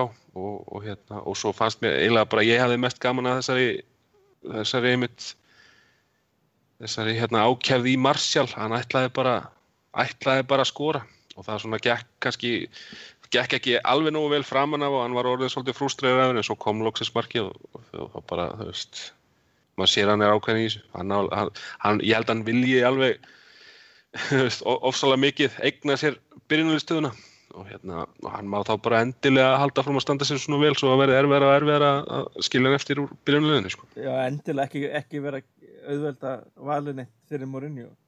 En Nei. hérna, er einmitt- enda, líka mér finnst sko, þú veist, bara með Martial að, e, veist, að þetta er frábært lið sem að United með en svona fyrir mig þá finnst mér sko þegar, þegar Martial er í stuði þá er hann lang skemmtilegasti leikmaður til þess að horfa á, af því að hann, hann gerir hluti sem að maður þarf eiginlega bara að býta, wow, ég þarf að segja þetta, þetta í endursýningu frá svona þremur sjónarhóttum, hvað var hann að gera sko? nákvæmlega, það er náttúrulega fræg, fræga hérna, debutmarkið hans að það mútið Liverpool. Já, algjörlega. Það var bara, hafði, maður hafði aldrei síðan spila sparki bolta þegar Ég meina við sáum við mitt núna í kvöld, Martial er bara töframaður, hann er með þvílíka boltatækni. Þetta gekk upp stundum og stundum ekki. Við veit ekki hvort þið sáu viðtalið við Mourinho eftir leiki núna í kvöld, en hann er mitt skautað en sá Martial, sko. Vildi svona jafnvel meina að það kannski verið að reyna of mikið. Já, Kemur aftur inn á Playstation umvælinans Mourinho, hann vill ekkit mikið að menn séu í þessu, sko. Hann vill bara að þetta sé einfalt og eftir leikskipuleginu. Ég mist, ég mist að þessum umræðum en ég er ekki hissa á henni því ég hugsaði þetta svolítið þegar hann var að spila. Þetta gekk upp að því hann var náttúrulega móti sko lélugu pitildaliði. Það voru þannig að tvö-þrjú skipti sko sem hann misti boltan og fjekk hann aftur af því hann bölaðist gegn sem hefði ekki gerst gegn sko premjössi varnamannum. Þannig að ég var eiginlega ekki þú hissa á seg- því. þú segir það en svo getum við náttúrulega séð bara hvernig hann fekk vítaspinnuna mútið Everton. Já, þa- ok. eh, Það, það en, ég, ég held að sé kannski Það var aðalega ekki kannski að segja að þeir hafi verið drullu lélegi varnamenn kannski, en, en þú veist hvað ég menn, en þetta er það sama. En ég, að- það, ég, það sem ég ætla að segja sko, með þetta að, Það má ekki gera það þetta of oft. En líka það, þú þegar þú hefur möguleikan annan, annan og betri möguleika þá þarfst ekki endilega að gera þetta. Þetta er gott vopn að hafa og ég held að Mourinho vilja alveg endilega hafa þennan leikmann sem getur tekið upp á því að sóla þrjá og, og, hérna, og skora upp úr engu. Ég meina, það er ekkert, þú veist, hann hatar það örugglega ekkert, sko, en að reyna það, þú veist, eins og hann var að gera kannski að reyna aftur og aftur að sækja þetta mark þegar hann er kannski gæti gefið á Rashford, gæti gefið, þú veist, er með betri, menn, betri option og það er kannski það sem að hann á við með þessu Playstation að þú veist bara með einn leikmann sem að þú ert að stjórna og, og þú bara vilt taka einhver triks og reyna að koma þú veist, það er kannski helst það ge- hefur möguleikan að gefa til hliðar frekar það, bara kannski taka þann möguleika stundum líka Ég er smá stundum áhyggjur af því að, að Martial sé að reyna of mikið. Því hann- hann er frábær fótboltamaður, ekki spurning. Hann er kannski að reyna aðeins of að hitla. já, já, það gæti verið kannski, ég veit ekki, kannski er það stress, þú veist, kannski er það bara vilja, maður sér það oft með leikmenn þegar þeir eru að reyna alveg ofbáslega mikið að sanna sig og hérna, maður sá það bara til dæmis þegar Coutinho var að koma aftur hjá Liverpool, núna eftir allt þetta, þú veist, ofsalega mikil hérna, hvað segir maður, mikil pressa á honum, Sjálf, sjálfsagt bara bæði fannst honum pressa utanakomandi og svo, svo bara hefur hann sett á, hans, á sjálfan sig, sko, maður svona, þú veist, þegar menn eru kannski eða kannski aðeins öðru sem hanna því að hann, hann hafði ekki leikformi í að reyna það sem hann var að reyna. Að Martial kannski það þarf, það, er svona kannski þarf að sína stundum smá yfirvegun og stundum kænsku og stundum er þetta bara veist, skortur á reynslu sé, ég sé það reynda líka stundum hjá Pogba á kannski öðru sér hátt en, en mér finnst það stundum með mitt detta í það að reyna að gera allt saman einn sjálfur bara því að hann finnur, finnur pressuna á ábyrðina sko. Algjörlega sammála því.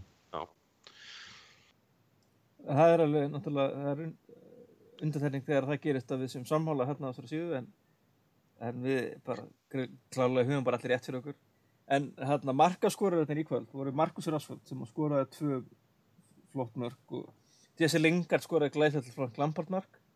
Og svo náttúrulega og svo títnendur Martial með hérna fjórðamarkið en ég man að það var svona smá umræða innan reistjórnar að við vildum vilja sjá Markus Rashford, Jesse Lingard og Antoni Martial spila saman ég meina, er það ekki klárlega option bara í áfram í þessari keppni, ég meina við munum mæta Swansea í næstu umferð keppnunar viljum við ekki bara viljum við ekki bara, ef þeir eru heilir að, sjá bara sum og svo Kristoffer?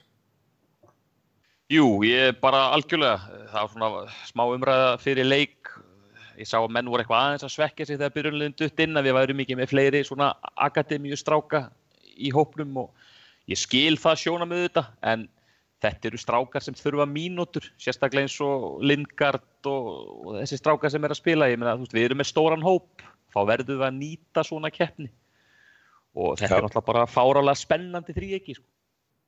það var einmitt grein sem að fór yfir þetta og það er bara orðið þannig að, að hópanir orðnir það breyðir að það eru komnir eins og United er með 24 manna hóp en það eru eiginlega allt menn sem geta byrja þannig að það er ekki sko eins og þessi 20 manna hópur og svo fjóri kjúklingar. Það eru 24 manna hópur þar sem eiginlega allir eiga tilkall í byrjunarleitin allavega einhverju leiti og þá er bara erfitt að ég hefði reyndar sko ég, ég hefði vilja sjá Angel Gómez bara fá að vera á bekknum ekki til að koma inn á heldur bara sko til að Jónas vera, þegar að í- vera bara í hópnum. bara vera í hópnum, ferðast með liðin og þetta, aðeins að sko kýtla í honum Já, svo langar mann líka svo, svo Axel Van Svabe fá mínútur Já, hann náttúrulega var með-. Já, hann náttúrulega var hann, hann verður á, fram. hann verður á bekknum sko næst, held ég alveg Og svo Það hlýtur að vera. fullt af flottum ungu sem Callum Grippin og svona strákar sem að ég held að sé alveg klárlega sens að við sjáum að bekknum við erum náttúrulega svo sem er svona, svona yngri liða sérfræðingun okkar hann Raunólfur er eins og Tryggvi er á, er á fjölmjölavakt og fjari góðu gamni kvöld en það hefði verið gaman að hann hefði viljað taka þessu umræðu alveg, alveg 100% sko en, en, En sko, all, allir þessi leikmenn sem byrjuði í kvöld fyrir utan Lindelof, þeir, þeir voru allir í liðinu fyrir hvað, tveimur árum síðan. Ég meina fyrir tveimur tímanbílu síðan, þá voru við ekki með Pogba og Lukaku. Þá var þetta bara byrjunlið í deildinni, sko. Já, nákvæmlega Þa, það Já. er bara þannig. Það er mjög góða punktur og maður ma fattaði ekki rauninni fyrir að fara að skoða bara, já, þetta er alveg bara miljón skiptingar sem maður gerir í svo leik, þetta er um, að því maður bara, þetta var svo vanur að sjá þessa spila saman fyrir ekkert alltaf lungu. Virkilega góða punktur. En hann Þetta er bara byrjunliðans Lúi Van Halirunni þarna, sko. og, og en hann að já, ég meina, en ég held líka sko að sko, það er náttúrulega rétt sem að Björn segir sko að að að þessi leikmenn hjá Lingard og Martial og svona þurfa, þurfa að fá mínútur. Og menna, við viljum sjá Karrik spila einhverja leiki svona. En ég er ekki bara líka svolítið til margs um það að, að Mourinho vill bara vinna alla keppnir líka, svo- svolítið. Hann tala um sko að vilja bera virðingu fyrir hérna, sponsorum og eitthvað svona eftir að leik til að þegar hann var að réttlega liðsvæli ég meina, hann vill bara vinna allt Hann er bygg, byggara óður, sko, það er engin spurning. Hann, af því það var En- eða fyrir göf, þetta enda, líka, veist, enda líka er hann bara með þannig, þannig ferilskrá að hann það er bara afskaplega sjaldan sem honum gengur verulega illa í einhverjum byggarkeppnum. Hann er bara, þú veist, hann bara kann á þessa keppni, sko. Já, það var einmitt þarna, það er nefnilega kunning hérna þjóðverið sem er að spila stjórna liði hérna svona nágranna borg sem voru að spila í gær og þeir eitthvað með virtust ekki taka þessa keppni sérstaklega alvarlega sem er mjög sérstakt hjá liði sem er vinnur um alla titla að, að setja upp nefið gegn einhvern svona, ég minna að þetta er, held ég hafi verið ákveðin vendipunktur hjá United á síðan tímpili að vinna þessa keppni ég minna þó þessi bara menn byggar er byggar Ég menn þetta umræta nákvæmlega, þetta er eina keppni sem þeir hafa unnið bara síðastlega 11 ár. Þetta er eini titill síðan hvað, 2007. Það er þessi keppni. Veist, það er er- það eru 100 atvinnumannaklúpar á Englandi. Á hverju tímabili geta þessi klúpar unni hvað? 5 byggara. Hvað hafa þessi lið betra að gera en að reyna að vinna titil og fara á vembli? Ég bara spyr. Það er líka, líka oft talað um það, þú veist, að stóruliðin sé eitthvað, hérna, leggja lítið upp úr þessari keppni og ég, ég, nema þau vinna hana Já, en, en það er bara vill þannig til að af síðustu 15 skiptum sem að, hérna, í, á, síðust, á síðustu 15 tímabilum þá hefur það 12 sinnum gerst að lið sem að við myndum segja að væri top 6 klúpar hafa unnið þessa keppni. Reyndar, það sem gerist er það að liðin það sko slaka á í þessum fyrstu tveim, þreim Reyndar- umfjörnum þú ertu komin í quarterfinal Já, en það er, það er reyndar fimm af þessum sex liðum að, hérna, að því Arsenal er, er þarna undanskil, þeir hafa ekki unnið á, á síðustu, ekki unn- unnið síðan 93 held ég, eða Vengar hafa aldrei unnið þennan byggja. Vengar hefur ekki unnið þetta. En, en það, hann- já, hann það, það, þannig að þú Minna alvarlega held ég, heldur. En En það, það- það er held ég þetta, það er nógu mörg lið, það er alltaf eitt lið eftir í, sko þegar kemur í quarterfinal og þá setja þeir stóru strákan inn á alveg á fullu og já, þetta bitna líka meira á kannski liðunum sem eru fyrir neðan, sem eru að berjast kannski, vilja vera í, í kringum og fyrir ofan miðjartöflu og svo náttúrulega ef þú ert í botbaróttu þá bara glemdu ég og sérst að fara að leggja áherslu á deildabyggarinn. þeir að meira það er sér, kannski fleiri- þau liður meira sér að fann að sko bara setja varaliði í, í byggarinn sko, þannig Já, að Þannig að það er, sem, það er þetta tvent sem gerir sko, að varaliðin eru nú sterk til að rusla upp sko, umferðum 3-4 og 3 og 4 og, og 5 hjá vel og, og svo hefur komið semifænal og þá er það bara, þá er það tveileikir og þá er ekkert minna lið að fara, það er ekkert minna lið að fara að vinna stærra lið í sko, heima og heima. Það er, það er engin, sko, það er, bara, það er ekki bara eitt leikur og búið. Þannig að Þannig að það er ekkert skrítið þó að séu stóruliðin, eitthvað á stóruliðinum takið þetta á endan. Við bara svo skrítið sko stuðningsmenn og þú veist við sjáum þetta bara mikið stuðningsmenn Arsenal eða hvaða sem er, þú veist, þeir einhvern megin líta þessa keppni einhverju svona hotnega, þú veist, æ, við, þetta er svo ómerkileg, við þurfum að einbytta okkur að því að hérna, ná fjórðarsætunu, komast í meistardildina, svo mikill peningur frá styrtaralum þá, ég meina, sorry, eru þið í bókaldinu á þessum klubum, þið haldið með það, þið þetta viljið bara vinna leiki, komast á vemblei, hafa gaman, skilur. Ég En er það er svo- líka, svo þarna kemur rosalega líka sammála, stressið, sko. En þarna kemur líka stressið að það sem þú ert að segja, þú ert að tala um Arsenal-stuðnismenn og svo ert að tala um Liverpool-stuðnismenn, að þeir eru náttúrulega bara, það sem þeir eru stressaðir fyrir er ekki að komast í úslitaleikin og vinna þennan, þennan byggar, það er, að, það er að fara í úslitaleikin, undan úslitaleikin eða, eða úslitaleikin, eigða þeim kröftum og vera komnið það langt í þessari keppni og tapa henni síðan. Að vera búin að eigða allar þessar orku, eins og til dæmis, meina, tímabili í fyrra þá fór Mourinho með United í nákvæmlega sömu úslítaleiki eins og Klopp hafði farið með Liverpool í árið áður nema Já. bara Mourinho vann og meðan Klopp tapaði og það er náttúrulega sko, orkan sem fer í keppnina þegar þú síðan ferð á Wembley í úslítaleikin og vinnur ekki það er náttúrulega vendalega sígur það úr sko veist, eins mikið og, sigur í þessari keppni getur gefið liðum þá held ég að tap í þessari, keppni í februar geti alveg svona haft, haft slæm áhrif. Þannig að ef að þú hefur áhyggjur af því að þú sétt að fara að tapa þessari keppni þá kannski ertu stressaður við hana. Ég, ég, er, get, ég get samma- ímyndað með það. ég samvælar að vissileiti, en að það er rosalega eftir hverju það þjálfur. ég gerir það náttúrulega en ég er bara að segja að þú veist að frægt mig að- grunar að það geti haft, haft áhrif á það að, þú veist, að þe- þeir sem að í rauninni sjá þessa keppni fyrir sér sem bara kvöð að það sé það sem sé, sko, sé ofar í huga. Eins og til dæmis klárlega er það miklu ofar í huga hjá til dæmis Mourinho og þar að leiðandi að því að við vitum hvernig Mourinho hugsa þegar kemur á svona byggurum hann vil vinna þá, að þá peppumst við upp og liðið peppast upp. En ég veit ekki, kannski eru bara ef þú ert ekki fara að vinna þessa keppni þá kannski sérðu fyrir þér að, að orkan sem fyrir hana geti tröflaði á öðrum vikstöðum og þá kannski er það ekki eitthvað sem þú vilt borga fyrir þig. Ég líka skil alveg til dæmis að þjálfarar þurfistundum að hugsa, ok, ég get ekki nota sömu leikmenn í hverju einustu viku. Ég er svona meira bara að hugsa þetta frá sjónarhóttni stuðningsmanna sem að þykjast vera of góðir fyrir einhverjar byggarkefnir. Já, algjörlega. Það, ég held að það sé bara einmitt þetta að þú veist, þá ert einmitt að hugsa það að þú veist, sér fyrir þér að fara, liðið fe- fari allar í úslit en vinn ekki. Veist, þá ertu bara að sjá fyrir þér að það er að eyða allir þessu orku farandi í gegnum aukaleiki eftir aukaleiki og kannski hópurinn ekki það stór eins og suma þessum liðum uh, eiga, er að glíma við að, að hérna, dýftin í hópnum og, og, og gæða munurinn á leikmunum sem að er að koma inn af bekknum eða ef það eru koma meðsli þá sjá þeir bara það fyrir sig sem bara stórslis í vændum, mögulegt stórslis þá kannski eru þeir stressaði fyrir þessu en, en klárlega er þetta ekki þú veist, ég er alveg sammálaðið því að það, það, veist, það er ákveðin svoki að segja bara nei, við erum of góðir fyrir þessa keppni. Það er bara, það bara bull, sko. Að Það er mér skemmtilegt að margir uh, skemmtilegustu United stuðnismanna týstararnir er alveg sko harðir á Wembley byggar day out fagna hafa gaman að þessu.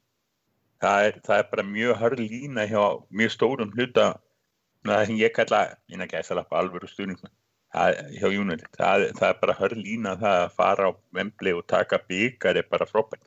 Það er líka bara, er, Og er rómantik í því. niður á sko það verður að segja það er svolítið útlendu sko stuðningsmenni sem náttúrulega er ekki að fara á Wembley á, á gott, sko, gott skrall og byggar og læti. En náttúrulega horfa á þetta aðeins öðruvísi. Það er bara þannig. Þetta er eins og, maður sér þetta líka þegar við erum að tala um sko byggadráttin til dæmis það voru allir fúlir með að fá Burton, Albion og Old Trafford. Það, sko, það er ekki útileikur það sem hættir að hafa gamna þessu það er ekki stór lið ekki, veist með, ef að menn vilja fá byggaleik og Old Trafford þá vilja menn alltaf að fá eitthvað svona tjúsi lið. En, en uh, þess vegna voru sko Sonsi úti er bara allt leikur. Er hefur líklega frekar viljað fara bara aftur til í heimsókn til bruggarana í, í Burton og hérna eins og síðast. meiri, meiri, meiri stemning í því sjálfsagt sko. Já, þetta er, oft já, stuðnismenn geta margir verið ansið sérstakir en fyrir margir Ég er bara fegin að að ég held með liði sem mælir árangur í titlum, Já, ekki einhverjum fjórðusætum eða eitthvað. nákvæmlega. Ég, ég skil alveg, ég meina koma við erum búin að tvísvar núna að missa meistaradildinu og, og ég skil það alveg að ja, ja, þú veist, Já, ég skil það alveg að menn séu rosa lánaði með það á endanum að, að slefa inn í meistaradildina en, en en, en það, það, er, það má á milli vera hvað maður fagnar því mikið en það er svolítið sem- eins og Kristofur sem kemur inn á sko, e- eðna, e, ég skildi svolítið sem er að segja sko, er að, og þeir að tala um að vilja koma til mestrartöldina bara upp á peningina því að ekki gera það neitt í mestrartöldinni og, og, og ef við erum að tala, er að tala um saman lið og ég held að tala um að þá faraði bara ekki lengra en 16 úrslit. Það er það. er svolítið erfitt þú lendir alltaf mútið bæjar það verður en, að við en, en þú lendir alltaf út í bæinn og lærir aldrei á reynslunni þú reynir alltaf að spila eins og virkar aldrei Þá heitir þú Það Arsene með Wenger. ólíkindum. Það er bara þannig. ég held að, þú veist einhvern Það er tíma þarf- það að taka á sökina sko. Það er spurning samt hvort hann sé að læra af reynslunni með að við svona leikin, leikplanið sem hann sett upp á móti Chelsea á útivelli. Það var mjög hann- óvengarlegt leikplan og, og bara gegn príðilega hjá hann. Sko. En það var hann að nota, það hefðu nota Danny. Welbeck þeir hefðu getað stólið þessu Já, það hefði ekki verið ósangjart, það hefði ekki verið stuldur, það hefði bara verið, Nei, það var ég- bara, þú veist, þannig að það, og þeir voru harðir fyrir og bara, þetta var bara vel upplagt og hérna, bara, Þetta var svona eins og ég myndi búast við að Man United myndi spila á örðum útivelli. já, þetta, þetta var klá, klárlega ekki eins og maður hefur séð Arsenal spila á útivöllum, á, á, á erfiðum útivöllum, sko, og síðustu tímabilum, sko. Alls ekki. Eða bara fyrir á þessu tímabili. þannig að þú veist, þannig að hann er kannski hann að læra eitthvað, svona á gammalsaldri. Já, batnendumönnum er be- best að lifa. Þarna, Já, bara hann fær kannski nýjan fimm, fimm ára samning bara og allir sáttir. Já, við, við, verðum það ég. Er, þið mi- mikil eftir sjóakallunum hérna úr- ennsku deildinni? Já, við möttum að, hérna, ég veit ekki hvað við verðum að gera, sko, þegar, hann hætti lóksins. Við, hérna, við flöggum í halva stöng. En, en, en það eru hérna, mér langar að koma inn á svona, ég kannski, hérna bara næstu þrjá leiki og svo kemur hérna annar landsleikjalli.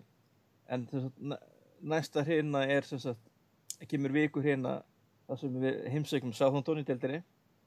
Fö- Förum til Moskvu á móti CSKA og svo tökum við á móti Krista Palace. Og við hérna vorum búin að tala svolítið um hérna þennan sérskaleik og hérna og hvernig við munum líklega stilla upp þrygg, mögulega kannski hérna þrýr, fimm, tveir eða hvað það verður í þeim leik. En Southampton, þetta er búið að þeir eru ekkert búin að byrja neitt allt og vel, þeir er ekkert rosalega öll með að skora. Og hérna en hérna kannski sl- slæmi hretnar er að Van Dijk er farin að spila aftur.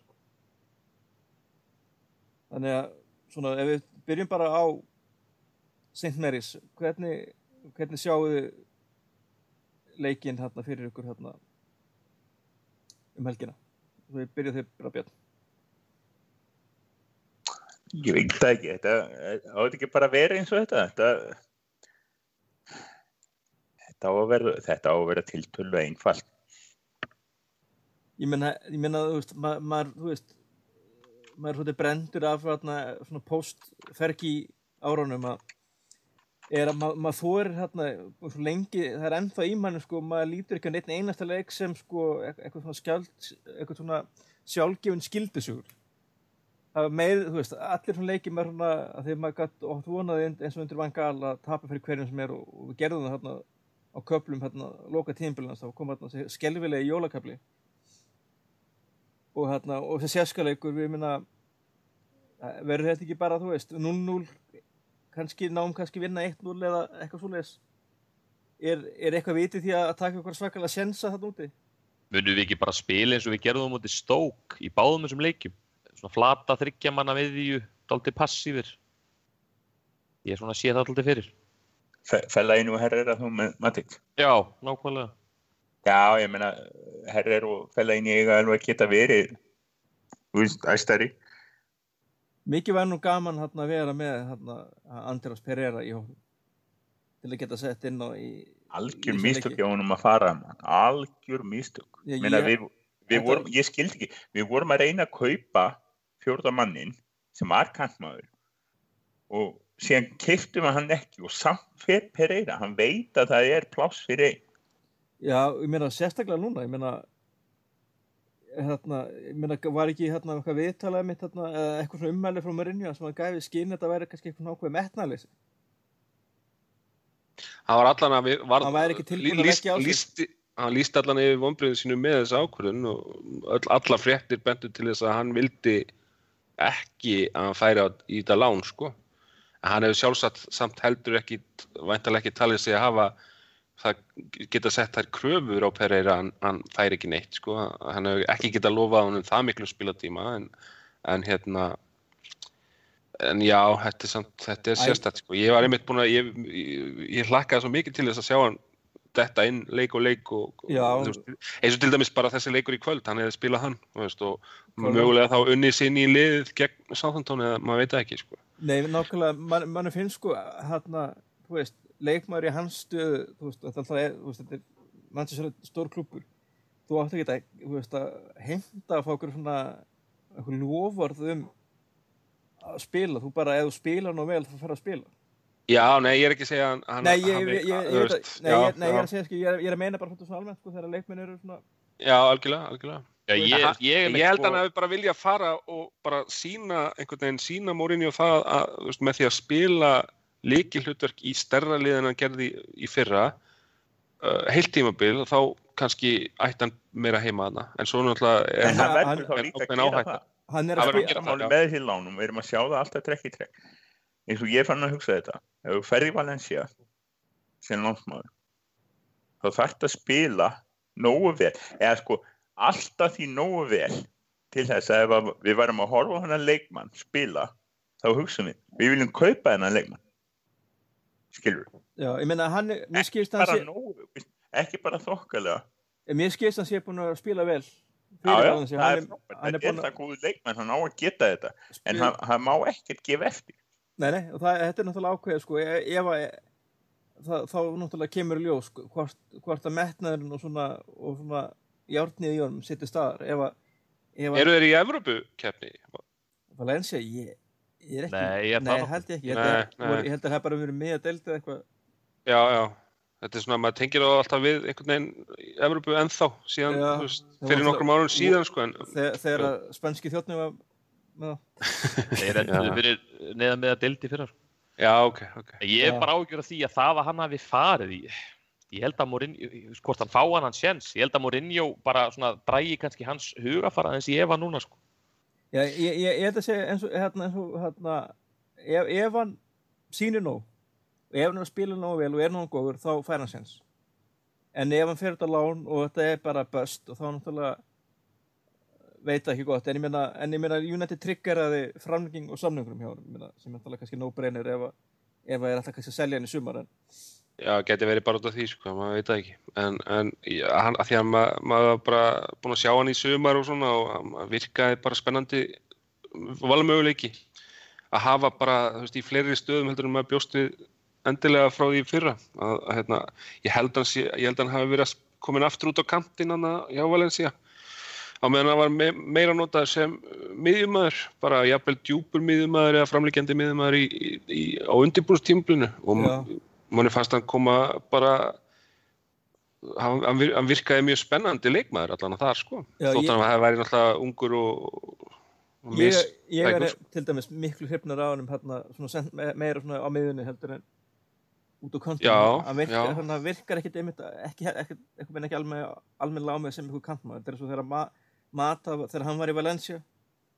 Þetta er svona þetta er svona, svona deep cut. Hann náttúrulega var hérna en hann fór til Chelsea náttúrulega var hann kantmaður hérna vinstri kantmaður hjá Valencia. Og maður svona, það það er eftir að sjá hann sem vinstri kantmaður í dag sko.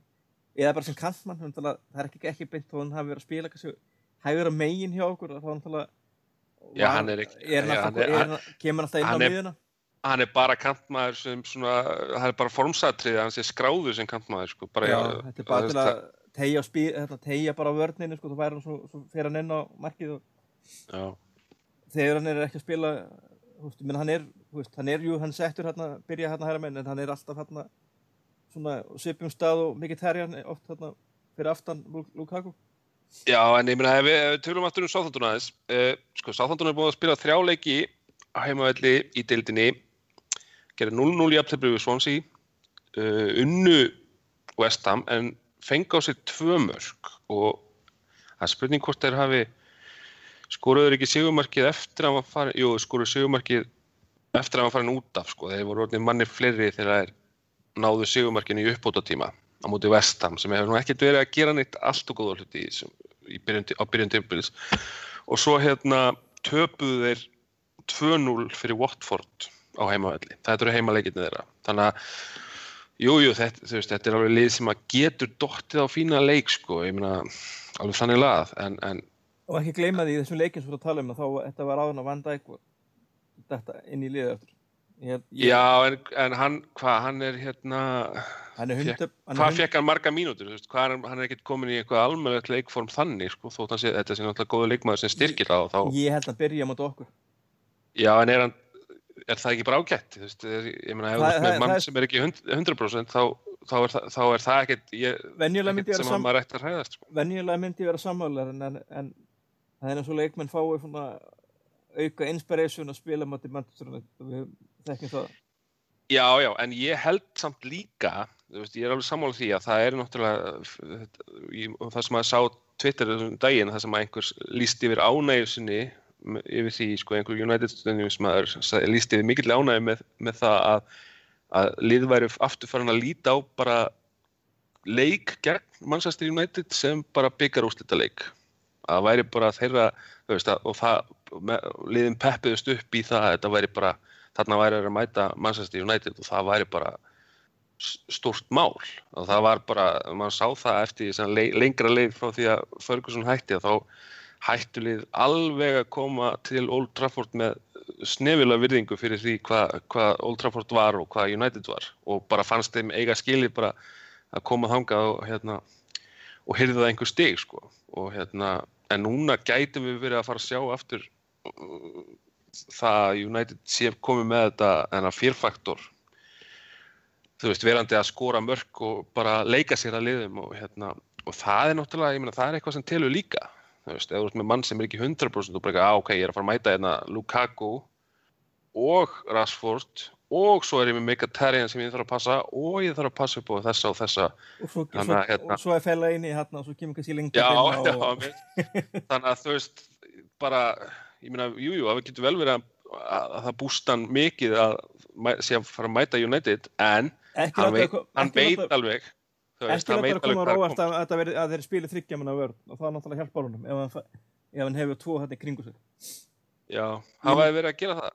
Ég, ég geti trúið að þeir myndi gera það en ég, Já, en ég meina, ef þú, Það ert, er ef þú bara hen- ef þú hendir í þryggjamanna vörð sko, fyrsti leikur í þryggjamanna vörð er ekkert endilega eitthvað góða frétti sko, þótt að geti verið eitthvað sem það er ekki, er ekki öll, lið- öll lið sem detta niður á það eins og Chelsea gerði það sem það bara smellur, nei, nei. en maður veit ekki En e, eins og segi, ég, hérna, það getur vel verið að segja kannski ekki skynsalegt fyrir að gera en ég, ég, kemur ekki óvart að það það geti En, en sko, við vorum með þryggja manna vörð þar sem við vorum með sko blind, sjó og lindilu. Meina, við erum ekki að fara að spila með já, blind í þryggja manna vörn getur virkað. Blind, Já. Bæi og. En það er ekkert víst að eh, Mourinho gerir það þótt að sá Nei, ég, hann er ég búin að sjáum, við sjáum það gegn Sesku. Já, já, Við sjáum það gegn Sesku. sko. Segja það hér og nú, það verður þryggja manna vörn í Moskvu. Já, Verða, verða allir komnir úr banni þá? Já, já, það er komið. það er þá hægt að spila bara með Jones, Bæi og, og Smalling, það væri ágætt. Þá geti Lindelöf fengið að vera á bekknum bara, þú veist. Ég, ég, ég, ég, ég vil hafa, ég það vil hafa, vil hafa blind í hérna vinstra megin hérna í þryggjumna vörð ef, ef það verður rauninu því að bara hreinlega upp á það ef, að, ef við þurfum að Og, og þá bara hend, henda bara sjó inn sem wingback þá.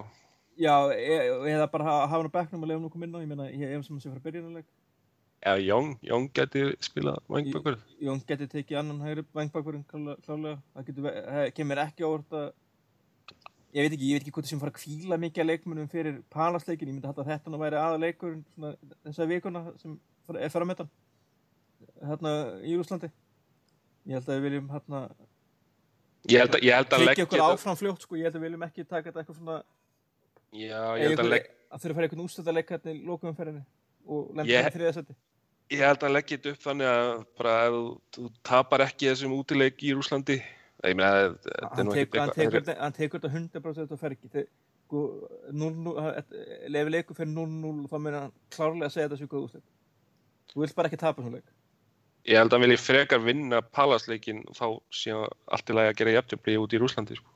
en þetta, ég meina, þú veist ef þú ert þéttur tilbaka og þá getur alltaf sótt grimt á þetta rúsneska lið og það, ég held að sé að geta að byrja tímabili alltaf vel í Rúslandi sko. þannig að það maður svona, þið gerðu jafntöfli í fyrstum ferð, þannig að Jó, já, þetta, já, já, þetta verður Ef við ekki líka bara gleðast við því að við erum að fá hann leik í Rúslandi núna en ekki í desember. Það, jú, ég, var Það- mjög, ég fagnaði því mikið sko. já, við vorum mjög hættin að fá, að fá hann ekki milli sko, eitthvað leikja gegn sko, Nei, Tottenham nei. og, við eigum Sko, hérna með eigum Seinni leik- Evrópuleik seinni milli leikurinn Tottenham gegn og Chelsea. Seska Setni leikurinn gegn Seska er sko fyrir Master City leikinn þannig að það hefði verið verra að hafa hann í út, úti. Ég- Já, það er akkurat síðustu leikur. og er sitt ekki að spila úti fyrir, fyrir þann? Jú, jú, þeir Jú, fara, það fara eitthvað til eitthvað langt í burtu sko, það er langt verðalega hjá þeim. Til, Þeir, þeir spila á miðvikudeginum þeir spila á miðvikudeginum sko. hérna er að spila eitthvað langt í Buskustan Já, já, ég veit FC Fjarskanistan já, veit það er eftir að lýsa verið mynda. Og já, svo hérna, og svo kemur sér palasleikur mynda, það er ekki mikið að tala um palas Nei, þeir skoruðu samt, þeir skoruðu, skoruðu í gær. Já, það skorum við Þeir eru búin að bara brjóta í sinn þannig að þeir kannski rúlla bara yfir sitt í átuvelli núna í umferð. það er kannski rétt að minna á það hérna, að, að þú, Haldur, varst hérna tókst þátt í stórkoslu yngkasti hjá fútboll.net stóðst sem Já, svo hetja, ég hlusta á þetta og var virkilega gaman að hlusta þegar þú Já. ekki gert neitt annað Takk, veit, það var mjög, þetta var svona skemmtilega öðru í þessu upplifun að taka upp svona bara að tala í mikrofón með þá þá aðilega sem maður er að spjalla við bara á staðnum líka sko. Já. það var svolítið, það Svolítið gaman ég, ég- hef mitt lett að spjalli við og hérna, það var enda Tómas en hérna, þetta var fínt sko. það mætti halda og það fengið einhver æfingu einhver staðar ég, ég, kem ekki alveg puttum á hvar en Nei, það, er eitthvað það er alltaf gaman það, er, veist, það, er, það er bara gaman að tala um Manchester United þessa dagana. Það er virkilega skemmtilegt. Það er fyrsta skipti langtíma sem er bæði gaman að tala um og horfa um Manchester United. Já, maður bara og það sko, má gleymi gaman sem það er núna að hafa bara þessa tvo leiki í viku, ekki 50. leik já, og bara þú veist, þetta er, þetta er ótrúlega gaman.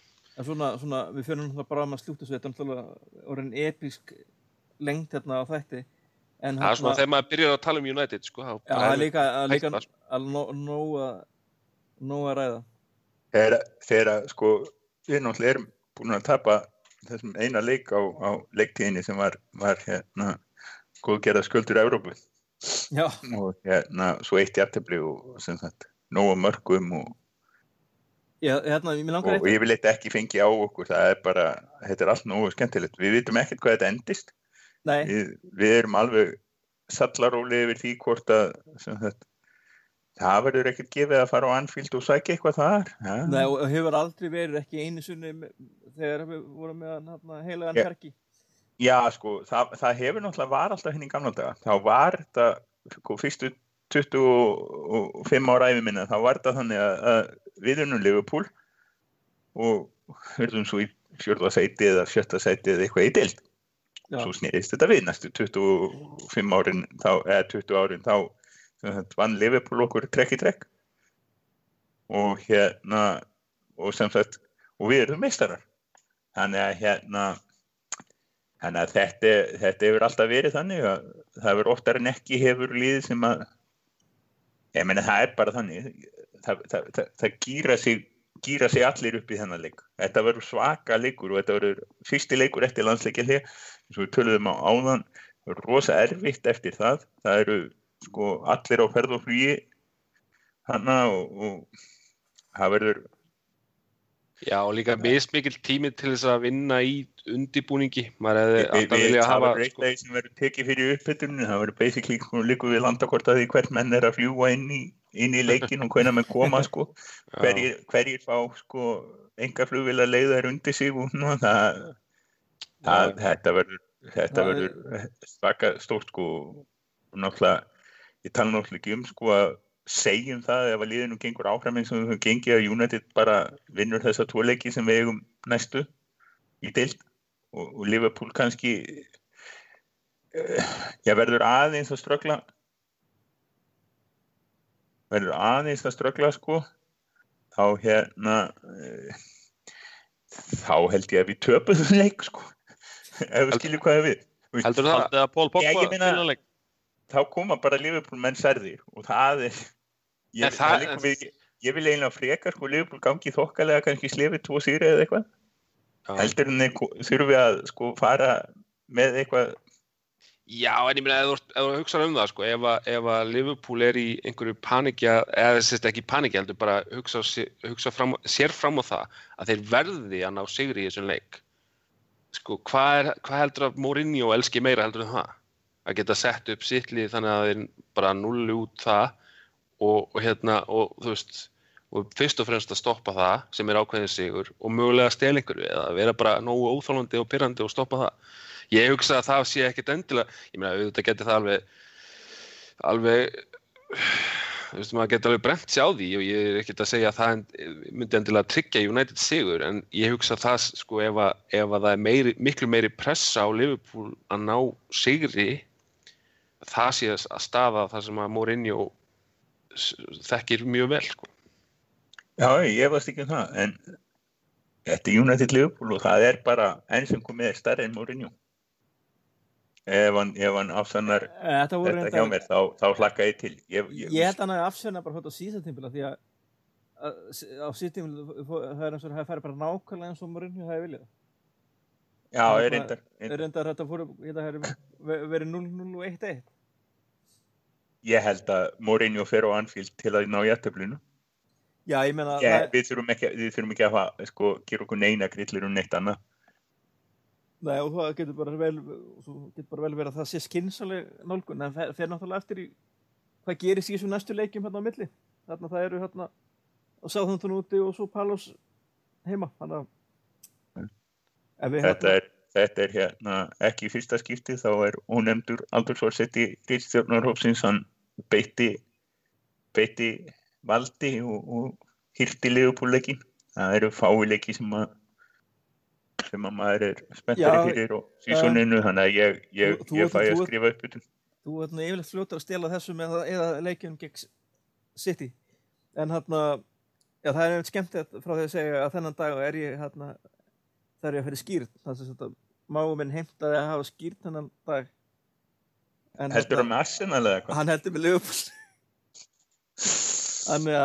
Heyrðu, það er hérna verður búið að skýra banni eða mun hann þurfa að skýra það Jose eftir að þið tapa? Það verður skýrt held ég eftir leik. Ég að vonast ekki að meðan leikurinn er maður. Það verður skelvett að missa leiknum. Ég, ég, ég, ég reyndar var í brúðkaupi sko akkurat yfir landsleiknum Ísland-Finnland og það munaði ekkert miklu að ég væri búin að draga upp sko síman og væri komin með komin með strímið í, í gang sko þannig í kirkjunni en, en hérna ég náði að berja niður Þú náði að hemja þig. ég náði hefnum mig það var, það var þetta var fallið brúðkaup og skemmtilegt og, hérna þannig að- og, þannig að ég og, og, leikurinn var, og leikurinn var hvorugt. ég meira að segja, mér meira að segja ég, mér tókst að sko ég var ekki að skoða hérna sem það marka markatöluna þannig að þetta ég ekki- vil, fá, ekki ég, vil sko. mikil, ég vil fá mikil svona karmastig fyrir þetta sko Það er alveg dæmi gert þannig að ég, ég treyst á því að ég bara ég skora á þig að, að hérna það er einhver, einhver konar, einhver konar fótbolta himnaríki þar sem við fáum þetta og gritt Já. það hlýtur að vera. Það hlýtur að vera einhver svona, einhver æðri góður máttur. En hann en það, við kannski höfum þáttin ekki lengra í þetta skipti en ég held að þetta sé bara með fullir virðingu fyrir öðrum meðlum Rísundum, þá held ég að þetta sé þetta mínum upp á þáttum sem við höfum tekið upp. Og hann þetta er einstaklega góðmennhópur og, og Kristófer, þú bara brillar að er, lakka til að taka upp fleiri þetta með þér. Á, takk fyrir það. Og bara innilega velkomin í rauðu döfluna og eins og sér þá erum við hérna eru, eru við bara, við höfum gaman á þessu og gaman að heyra Já, já. að þú ert með metna fyrir þessu bara heldur okkur hinnum á tannum og, þið eru allir snar klikkar og mér líka bara ágætlega við ykkur. Já, ja. og, og, og, og það segir án þess að það teki, teki upp þátt án en, já, og, hérna, og, og Björn, þú ert náttúrulega ert, svona, þú ert svona, svona fyrir, þú ert svona, hvað segir maður, liðstjórin ég er fyrirmyndi ykkar í, í, í djöflátt og, og góðum síðum. Þú ert bara, þú ert bara fyrirmynd okkar bara í, í lífinu. Ég er það reyndar. Og, og Haldur, einn besti stuðnismæður, hvort sem það eru míslenska landsliðar eða kallaða kvenna eða, eða Manchester United eða leiknir? Sem þetta þetta verður Voðaleg, voð- voðaleg væmni er þetta. Ég er komin í ég- magga þetta Já, tvær vikur eftir ólega